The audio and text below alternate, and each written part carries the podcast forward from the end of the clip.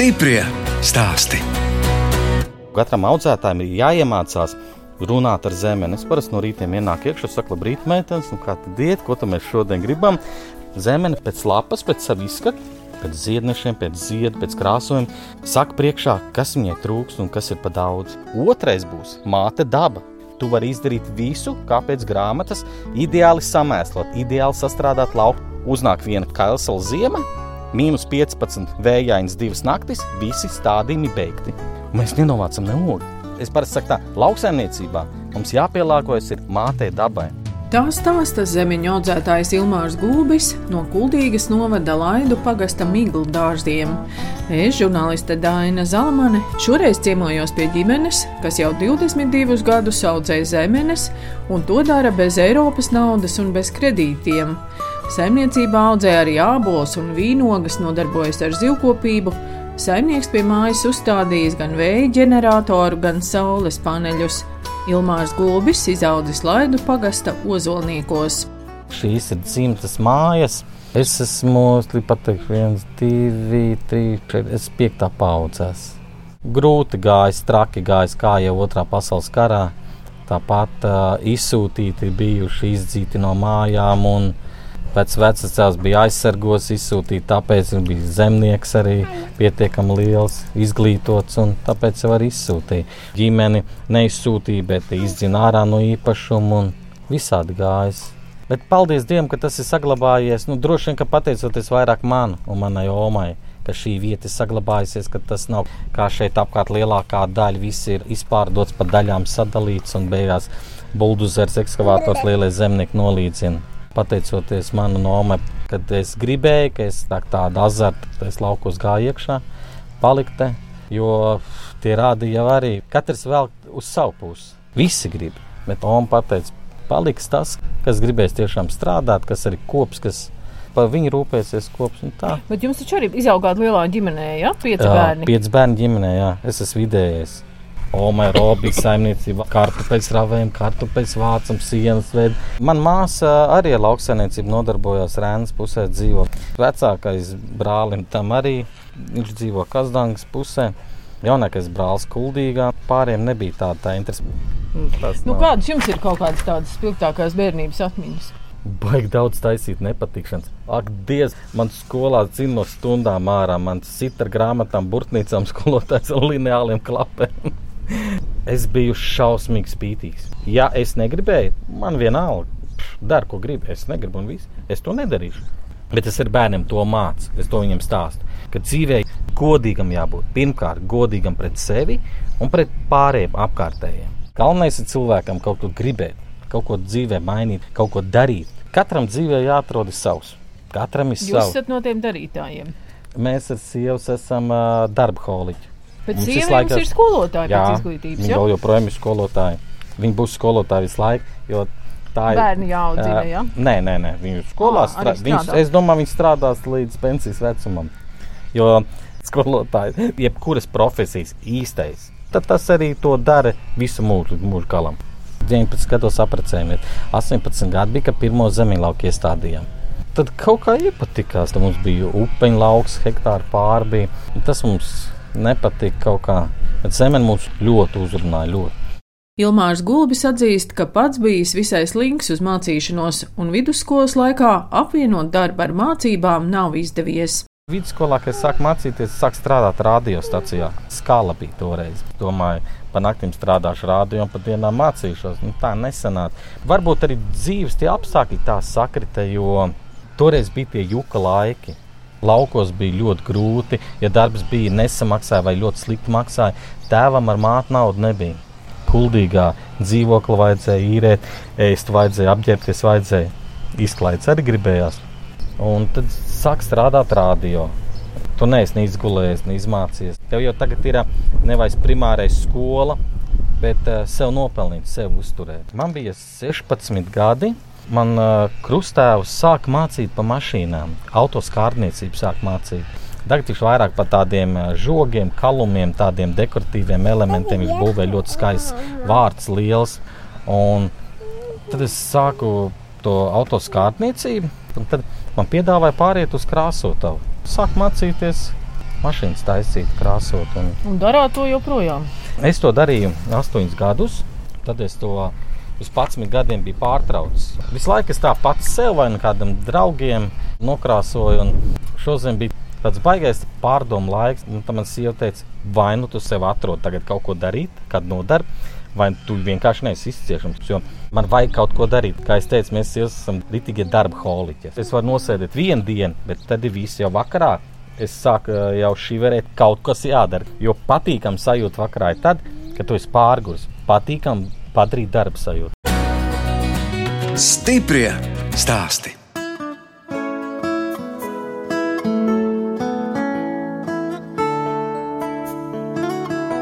Jūs klausāties redzējuma stipri stāstī. Šoreiz ciemojos pie Ilmāra Gulbja, Kuldīgas novada Laidu pagasta Miglu dārzos, kur jau 22 gadus audzē zemenes. Šobrīd zemenes aug nelielā platībā, nepilnā hektārā uz lauka un pašu celtās siltumnīcās 2000 km2 platībā, kur zemenes tiek audzētas uz augstiem metāla plauktiem, lai ogas var salasīt stāvot. Zemenēm ir pilienu laistīšana. Mēs strādājam ar tādu moto, ar minimāliem līdzekļiem ieguldītiem maksimālu rezultātu, lai sasniegtu. Jo paņemt lielus kredītus Eiropas projekts, uzraut nav problēma. Tur var pa miljoniem uztaisīt, bet ir jāsaprot, ka tas ir jāatpelnā. Trīs šādas siltumnīcas man sieva nolasa viena pati pa vakaru pāris stundās. Lai uz lauku tādu daudzumu salasītu, pāris stundās tas ir neiespējami. Tur ir vajadzīgi cilvēkam uh, 80 stundu darbdiena neaptverams ātrums, kādā ātrumā iet lasīšana, kad cilvēkam nav jāliecās. Tagad 90% ne tikai cilvēkiem gados, bet jauniešiem 90% visiem ir problēmas ar muguru. Mēs jau otro gadu testējam kasešu audzēšanu, stādus audzēt kasešu konteineros. Jo mūsu lielākā problēma, kas mūsu saimniecību nīcina ārā, tie ir maiboļu kāpu, tie lielie balti tāri. Pagājušajā gadā mēs praktiski 4 hektārus nevācam stādus, frigos stādus, jo tur viss bija noēsts. Iepriekšējā gadā mēs 7 hektārus vienkārši izdarām ārā zemī laukus. Jo pareiķinot to, cik uz hektāra palikuši tādi, izreikinot, cik ir jāiegulda darbs, nauda, lai viņus koptu, neatmaksājas. Izdevīgāk ar ārkli izdarīt ārā un izsēt labību augstsakai. Tāpēc mēs gribam pāriet uz kasešu tādu audzēšanu, Plus ir tas, ka vieglāk pēc tam augam ir iesakņoties, vieglāk ir audzēt. Šīs siltumnīcas ir labākas nekā tās siltumnīcas. Viena iemesla pēc, kad viņai ir augstākā jumta kore, lielāka gaisa masas apmaiņa. Un tas ir ļoti, ļoti svarīgi. Tīpaši tajā brīdī, kad ir augstas naktis un ļoti karstas dienas, lai ļoti strauji neuzkarst un lai ļoti strauji neatdziest. Tie, kas ir tie zemie tuneli, ko cilvēki tur sapērk, nu, 2,50 augstumā, zemē tur izaudzēta, nu, tā ir loterija. Cik Var jums te ir augsts? 5 metri? 5, 60 kūri. Viss, kas mums saimniecībā ir, mēs visu esam taisījuši paši. Ar dēlu, tēvs palīdz. Neko gatavu neesam pirkuši. Paši izdomāts viss ir.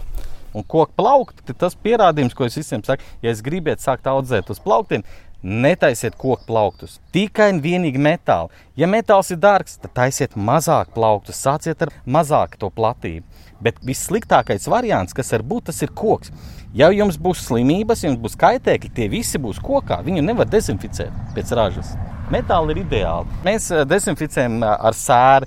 Tagad mēs arī izņemsim visu ārā. 25 grādi, durvis ciet, iekšā sēra plīt un kārtīgi visu dienu tvaicē. Tur viss ir dezinficēts un arī laistīšana.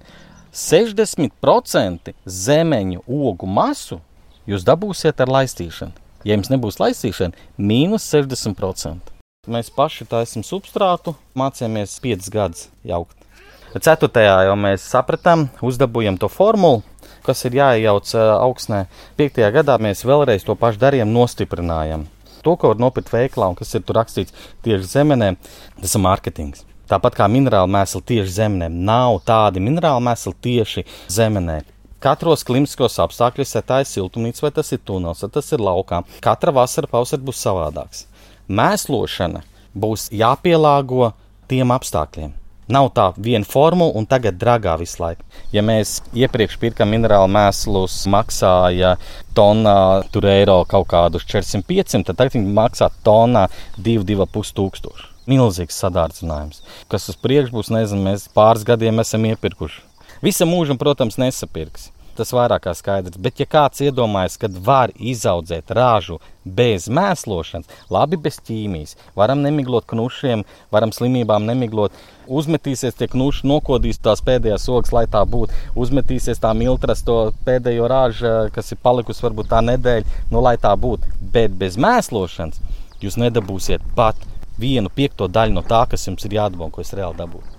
Mēslošana ir pats pats svarīgākais. Ilmārs stāsta, ka vairs nepērk ārzemēs audzētus zemeņu stādus. Ar šo gadu mēs vairāk stādus no ārzemēm nepērkam, jo 99% visi stādi katru gadu, ko no ārzemēm pirkam, bija slimi.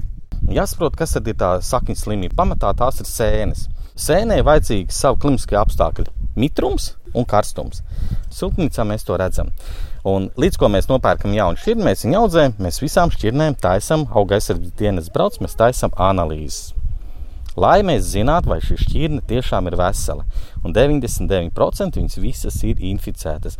Kulminācija bija divi gadi atpakaļ, bija Koreja un Lola. Divas šķirnes. Vienai bija 9 sakņu slimības, vienai bija 10 sakņu slimības. Vakus. Ļoti daudz slimības bija tādas, ko Latvijā auga aizsardzība dienas vēl nekad nebija redzējis. Zvanīja no laboratorijas, viņi teica, mēs tiešām neko tādu nebijām redzējuši. Un trakākais jau ir tas, ka cilvēks jau neapzinoties sev zemē, ievazā šo slimību.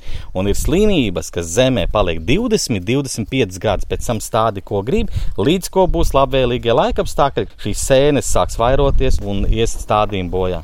Pats galvenais ir divi faktori.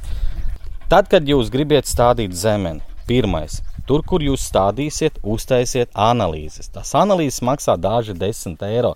Ir jāpārbauda, kas tad augsnē jums tur ir. Jāpārbauda, vai tur nav nematobu cistas iekšā dzīves. Ļoti daudz tādu ir iesācēji, kas iztērē ļoti lielu naudu, vairākus tūkstošus par stādiem, vairākus tūkstošus par segmateriāliem. Un uh, jau pirmajā gadā ir aplausiens, nolaižās rokas un nekā nesanāk. Ir nepareiza vietas un augsnes izvēle, nepareiza šķirne izvēle. Ir. Otrs ļoti svarīgs ir veselīgu, tīru stādu. Pirkt no ārzemēm tā ir loterija. Mums bija pagājušajā gadā no Nīcas bija audzētāji divi, kas paši aizbrauc it kā vienu no vislabākajām, kvalitatīvākajām holandiešiem, stāda audzētām firmām. Aizbrauc pēc stādiem. Vairāk Holandi, ja? Jā, vairāk desmit tūkstoši tādas paņēma. Gan 30 tūkstoši eiro iztērē. Viņi atrada nematobu. Visi stādi, 100% visi stādi aizgāja bojā. Analīzēs parādījās nematobu. Mikroskopā tikai redzam ļoti tādi mazi tārpiņi, kas vienkārši sēž šūnas kopā augam augsts praktiski iet bojā, un ar auga atliekām, vismazākām milimetra simtaļa atliekām, viņi augsnē paliek, viņi paliek desmitiem gadu. Pat Holandē, Anglijā, Spānijā, Itālijā visur ar šo problēmu cīnās desmitiem gadu. Jau. Lielākā daļa Latvijā, kur laukos viņi var atrast, tas ir saistīts ar karpeļu audzēšanu. Paliek tās cistas desmitiem gadu no kolhozes gadiem, vēl viņas zemē paliek. Ja ieguldi šos 100 eiro dažādu veidu tām analīzēm, tām pārbaudēm, nu, tu tiešām esi drošs, ka viss ir kārtībā. Un tad, ja ir kādreiz kāda problēma, tad jāsāk meklēt tie cēloņi, kāpēc tā problēma ir. Vai tā jūs paša vaina audzēšanā, vai tie stādi bijuši eh, ne tādi, bet, bet jāsaka, ka to pašu pamatu ir augsts.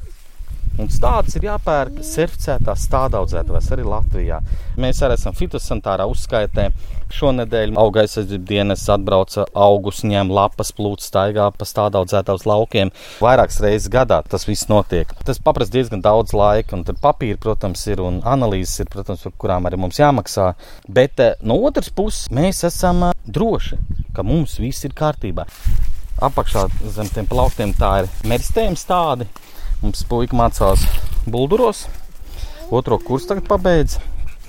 Puika jau pirmajā kursā gāja laboratorijā un mācījās izņemt ārā no auga šūnu un ievadīt iekšā laboratorijā mēģinītē un eh, audzēt no šūnas pavairot zemeņas. Nu jā, tās ir veselas. Jā, viņi ir simtprocentīgi tīri. No kaitēkļiem un slimībām. Tālāk jau jautājums ir, cik ilgi būs tīri no katra paša saimnieka atkarīgs. Mēs pāriesim turpmāk tikai un vienīgi uz pamatu stādu, meristēm stādu, lai izaudzētu stādus. Tagad mēs vienā lielā projektā Latvijas zinātniekiem un bulduriem esam uh, pa meristēm tieši stāda audzēšana, pavairošana, lai šķirnei dabūtu augstāku ražību. Teicāt, ka jūs četrus gadus paši arī selekcionējat zemenes. Jā, Sieva saskaitīja pavasarī 60 dažādības. Ļoti dažādas bija. bija plakanas, bija garanas, bija čokurainas, bija agras, bija vidējas, bija vēlas, dažādas atšķirības bija sanākušas. Un... Un kā notiek zemeņu selekcija? Tāpat kā tas notiek bumbieri, ķiršu, plūmi, viss tas notiek ar ziedputekšņu palīdzību. Paņem kaut kādu to pamatu, uz kā tu lieci tos putekšņus virsū. Un tālāk, protams, ir jautājums, cik tu varēsi noturēt, aizsargāt no tā, lai tev neilido bits vai kaut kāds kukainis no ziedu uz ziedu nepārlido, nesajauc to tavu darbu. Jāsien ir maisiņš virsū, tāds, kas ir elpojošais, lai zieds vienkārši vakumā neaiziet bojā. Mīgldārzos siltumnīcas pavasaros vairs nekurina, jo izdevumi par apkuri ir pārāk lieli. Kad viesojos pie zemeņa audzētāja Ilmāra Gulbja, zemeņu raža siltumnīcās jau gandrīz nolasīta, bet Ilmārs pacienā ar populārāko zemeņu šķirni. Šarlota. Viņa ražo no agra pavasara, un viņi bez apstājas ražo, kamēr uznāk ziema nosalst. Vēlākais laiks, kad mums ir bijis Šarlotei ogas, tas ir 18. decembris, vēl pašēdam. Liela zemene, bet garšo pēc meža Vien- zemenītēm. Praktiski tā, ka viņi garšo viens pret vienu eh, kā meža zemene, pat iecienītākā šķirne no pircēja puses. Pircējs ir uh, dievs, viņš nosaka, ko viņš grib un kas ir jāaudzē. Tāpēc jāpielāgojas, ir, protams, viņiem, bet viņi ir ļoti grūti pavairot. Nav tik vienkārši kā parastā šķirnes, jo viņi diezgan tāda prasīgi. Šī ir Delija šķirne. Nu, ļoti garda. Pagaid, pagaid. Iedošu tagad Vēl pagaršot. labāku, ja? Iedošu pagaršot. Šis ir klerī, Delija brālis. Šī tā vēl saldāka, Jā. vēl labāka. Tā ir galvenā lieta, man sieva saka, otrādi. Šī te ir uh, limaleksija, diezgan jauna šķirne. Šogad mēs siltumnīcā sasniedzam nu, neredzēts rekords. Nekad mēs dzīvē nebijām pieredzējuši tādu ražu. Nekad. Sieva rēķināja, ka no viena metra viņa nolasīja 10 kg ogu. Mums ir bijis no viena metra kaut kādi 3 kg. Un tagad ir saprast, kādi bija tie apstākļi, kāpēc šāds rezultāts sanāca. Vaicāja, vai Latvijas zemeņu audzētājiem joprojām jākonkurē ar krietni lētākajām poļu vai lietuviešu zemenēm. Ne jau poļi, ne jau lietuvieši ved iekšā Latvijā zemes. Ir šie bezskaunīgie latvieši. Es tādu zinu, vismaz duci Rīgas pusē, Bausas pusē. Viņi ir audzējuši, vai viņi audzē nedaudz tikai gadījumā, ja uznāk kaut kāda pārbauda, lai viņi var uzrādīt, ka redz, man taču augtā zeme. Bet viņi katru rītu ved iekšā tonām poļu zemeni. Viņi tirgo viņu kā vietējā zemē. Tā tiek sabojāts tirgus, tā tiek sabojāts pircējiem tas priekšstats par Latvijas ogu. Jo viņiem paprasta, kāpēc. Viņš saka, "A, kāpēc man audzēt? Es reāli aizbraucu uz Poliju, un visa man ir peļņa. Man nav jāmēslo, man nav jālasa, man nav jāravē, man nav jāstāda, man nav jāpērk stādi. Es vienkārši aizbraucu pakaļ mantai, trīsreiz lētāk nekā tu vari izaudzēt, un tā man visa ir peļņa. Nu, es tādiem parasti saku, tā, nu, tu pats šauj kājā. Ātrāk vai vēlāk visu tirgu uzzina. Un tad, ah, jā, tur nē, neatmaksās, vai baigi grūti ir pārdot. Nevajag pašam sabojāt uh, savu reputāciju. Kur jūs tirgojat savus ogas? Uz vietas saimniecībā cilvēki brauc pirkt, un kuldīgam ir tirzniecības vieta. Un vēl kaut kur tālāk arī Nē, nē, nē, nē, nē. Tad, kad mums bija strādnieki, tad mēs audzējam vairāk, mēs vedam. Vēnspili arī uz Kauguriem mēs esam veduši uzpircējiem. Uzpircējiem mēs pēdējos 6, 7 gadus vispār nedodam nevienu ogu. Jo viņi jau ir bezskaunīgi. Viņi grib atbraukt, viņi grib nopelnīt tikpat, cik to audzējot. Viņi brāķē, un tad viņam tas nepatīk. Tas labāk audzē mazāk, bet pārdod pats. Tu nopelnīsi desmit reizes vairāk. Blakus zemeņu siltumnīcām saimnieks uzstādījis gan vēja ģeneratoru, gan saules paneļus. Jauda mums ir nepilni 4 kW. Maksimāli to, ko saražo, mēs patērējam tajā brīdī, kad viņš ražo. Ja mēs kādreiz, piemēram, par elektrību maksājam mēnesī 160, 180 eiro, tad mēs tagad maksājam 100, 110, 120 eiro ar visu leasinga maksājumu, kas ir 95 eiro. Praktiski mēs par elektrību nemaksājam ne centa. Bet vasarā jau viņš saražo 500-600 kW mēnesī. Novembris, decembris, janvārs ir šie tukšie mēneši, kad nu nav tā gaisma. Bet cilvēkiem, ja kāds domā likt saules paneļus, es uzreiz iesaku likt uz zemes. Viena iemesla pēc, ja jūs gribat ziemā arī elektrību, lai ražo. Tad, kad jums būs uz jumta un būs ļoti tāda sniegaina zima, viņi apsnieg, viņi nenokūst, viņi ne, nenoslīd nost. Es no rīta pieceļos un ap birstu vienkārši paņemu, notīru nedaudz sniegu nost. Kā jums ar to vēja ģeneratoru iet? Jo es tomēr jūtu, ka cilvēki vairāk par tiem saules paneļiem Ā. interesējas. Es ieteiktu cilvēkiem gan viens, gan otrs. To sauc par hibrīdu enerģiju. Tad, kad būs vējaina atmākusies diena, saule neražos, vējš griezīsies. Ziemā praktiski vējš visu laiku griezīsies. Brīžiem jau, kas es skatos arī televīzijas ziņas, ka tur iet šī šķēpa laušana, tur iedzīvotāji pret kaut kādu tie viļņi un kas. Es nezinu, ja cilvēki tā bišķi padomāt, kāda tur viņiem viļņi, katru dienu mobīlie, visu dienu pie auss un rokā televizori, interneti. Nu, es domāju, ka tas, kas tur griežās, tas vilnis ir ā, tūkstoši reizes nekaitīgāks. Un mums ir jāskatās, kas notiek, kas darās attīstītā Rietumē Eiropā. Mēs esam 20 gadus no viņiem atpalikuši. Mēs nekad nenoķersim viņus, jo mēs esam jau sen iepalikuši. Tā padoma vara, kas bija tā mūs, ā, ir nu, tā, tā Ķīna, Koreja mūs ir nosēdinājusi, un tur mēs neko nevaram izdarīt. Bet mums ir jāskatās, kā cilvēki tur ko viņi dara, ko viņi ir darījuši. Ja tas būtu tik kaitīgi, ja tas būtu tik neizdevīgi, nu viņiem nebūtu, tas viņi to neražotu. Stiprie stāsti.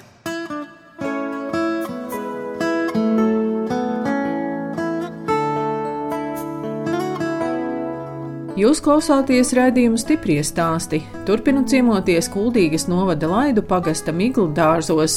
Saimniecības nosaukums gan nav radies romantisku apsvērumu dēļ, bet vienkārši saliekot kopā Ilmāra, viņa sievas Līgas, dēla Gustava, kas mācās bulduros, un meitas Melānijas Elmas vārdu pirmos burtus.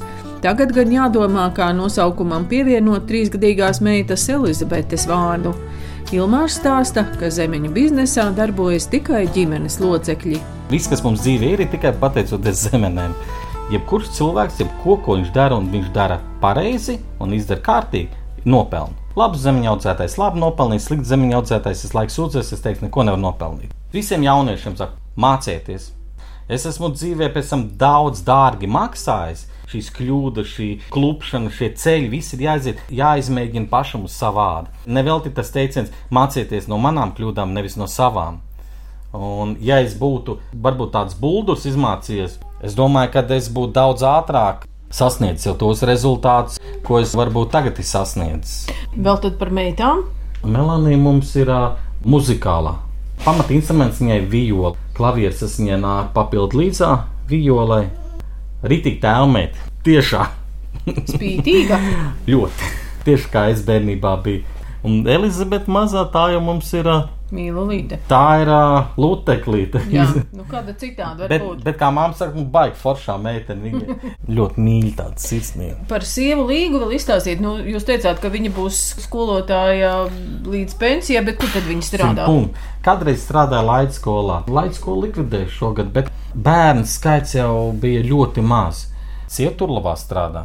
Sievi skolotāji, viņai māsas skolotāji, viņai mammas skolotāji, viņai māsīcis skolotājs, mums te vēl ir draugs skolotāji, ka viņi visi sanāk kopā. Vienkārši sabojāt svētki vīriem. Ko viņš runā par skolu? Tikai par skolu. Viņi sēž līdz vienam, citreiz līdz diviem naktī. Viņi pilda darbus, viņi gatavo stundas. Papildus viņai vēl kaut kas jāpiemācās klāt, jo redz, atkal valstī kaut kas stulbs ir izdomāts. Un skolotāji tā nav profesija, tas nav darbs, tā ir misija. Ikdienā es restaurēju automašīnas, krāsoju, atjaunoju gan retro mašīnas, gan, protams, jaunas. Mēs vairāk dzīvojam pēc tāda principa būt pašpietiekamiem, lai nav vajadzīgs ārējais darbspēks. Tā vienkārši maksimāli ar saviem spēkiem nopelnīt naudu. Mums ir bijuši kādreiz strādnieki, bet es, es godu vārds to negribu vairāk. Tur ir klapatu, klapatas. Kādreiz kā laukos visi bija pašpietiekami. Nopelnīja naudu. Tā bija vai nu tu nopirki savu apģērbu, vai tu samaksāji par to dzīvokli, nopirki mašīnu. Tagad laukos dzīvo pēc pilsētnieka modela. To, ko nopelna, ar to nopērk paēst un vispārējais. Reti, kuram vispār ir mazdācīši vai dārsts? Nu, jums ir, es redzu, lociņi aug, pupas. Un tā jābūt. Ir. Tā laukos ir jādzīvo. Tie, kas laukos dzīvo tā kā dzīvoklī, nu, viņi tiešām tikai dzīvo laukos. Bet redz, atkal saka, nerēķina to darbu savu, un, Nē, un, nē, nē, un, nē, un nē, cik tu maz dārziņā daudz laika pavadi, Nu, un nu, cik un darba nu, ieguldi. Nu, cik tā pavada? Uzbraucam ar traktoru, sagatavojam vienu dienu zemi, vienu vakaru sieva ar bērniem, ar meitām sastādi.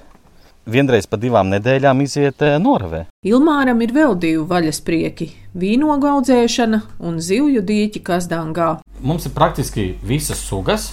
Mums ir karpas, rauda, asars, karūsa, līdaka, sami. Lielākie sami mums tādi ir uz 1,50 m. Tad tie mums ir ā, mūža maizē, jo viņi mums nārsto mazuļi. Un tad karps mums lielākās ir tādas arī uz 1,20 m. Tas ir mammas un papa, kas nārsto. Iedod buču un palaiž akalu uz ziemu. Bet jūs arī nu, tur piebarojat zivis. protams, zivs piebarojam. Varētu teikt, ka tas ir kā bizness, un varētu teikt, ka tā, tā ir baigta forša atpūta. Te apkārt vairāk zivsēmniecības. Ja man kāds saka, ka, ah, kungs, kurš ir noguris, ka tas ir smags darbs, lai viņš izaudzē vienu hektāru zemes, viņš zinās, kas ir darbs, kas ir roka darbs.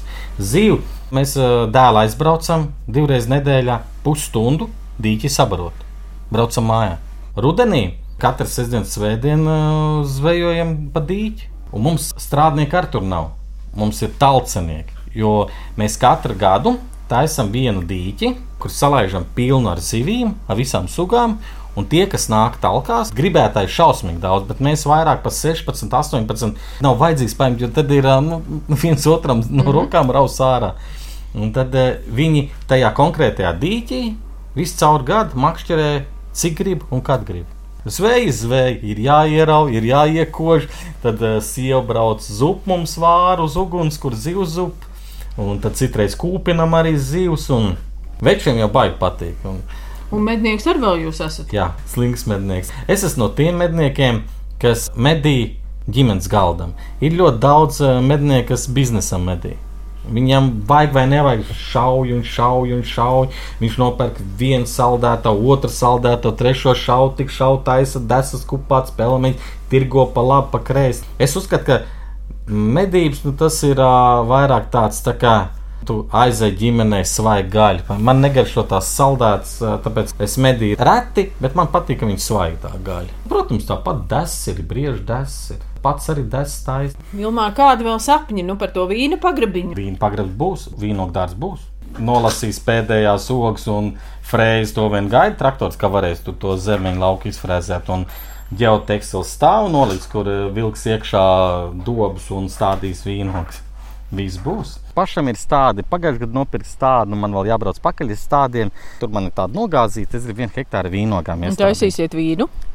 Es visu laiku taisīju vīnu. Kopā vīnogām man ir tagad kaut kādas 24 šķirnes. Ir.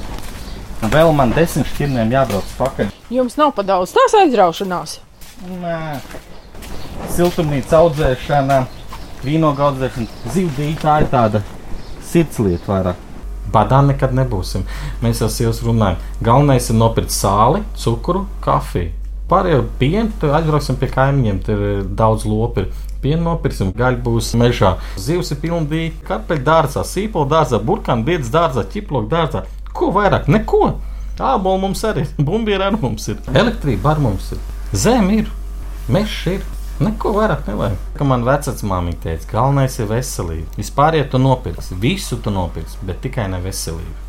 Protams, varbūt ir bijis pa daudz grēko, ka tā trakā skriešana, tāpat stress jau arī baigās. Es esmu tāpat eh, močiem izgājis caur skioringā, brauc kādreiz ziemas tajā motokrosā, pa vasarām skrējot močiem. Tur tik daudz traumas ir, ka tagad nožēloju, kāpēc vispār to vajadzēja, kāpēc tādu naudu iztērēt. Un um, man daudz ir teikuši, neskrien, netrako to, ko tu tagad nopelnīsi, to vecumdienās tērēs veselībā liks iekšā. Droši vien jau, tā būs, bet nu, tā ir visiem visās paudzēs.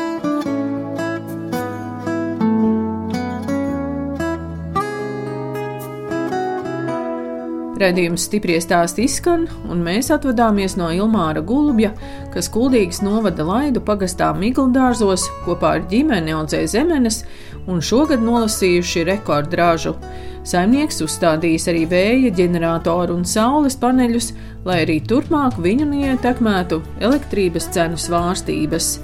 No jums atvadās žurnāliste Dāna Zalamane un operātore Inga Bēdele. Uz tikšanos!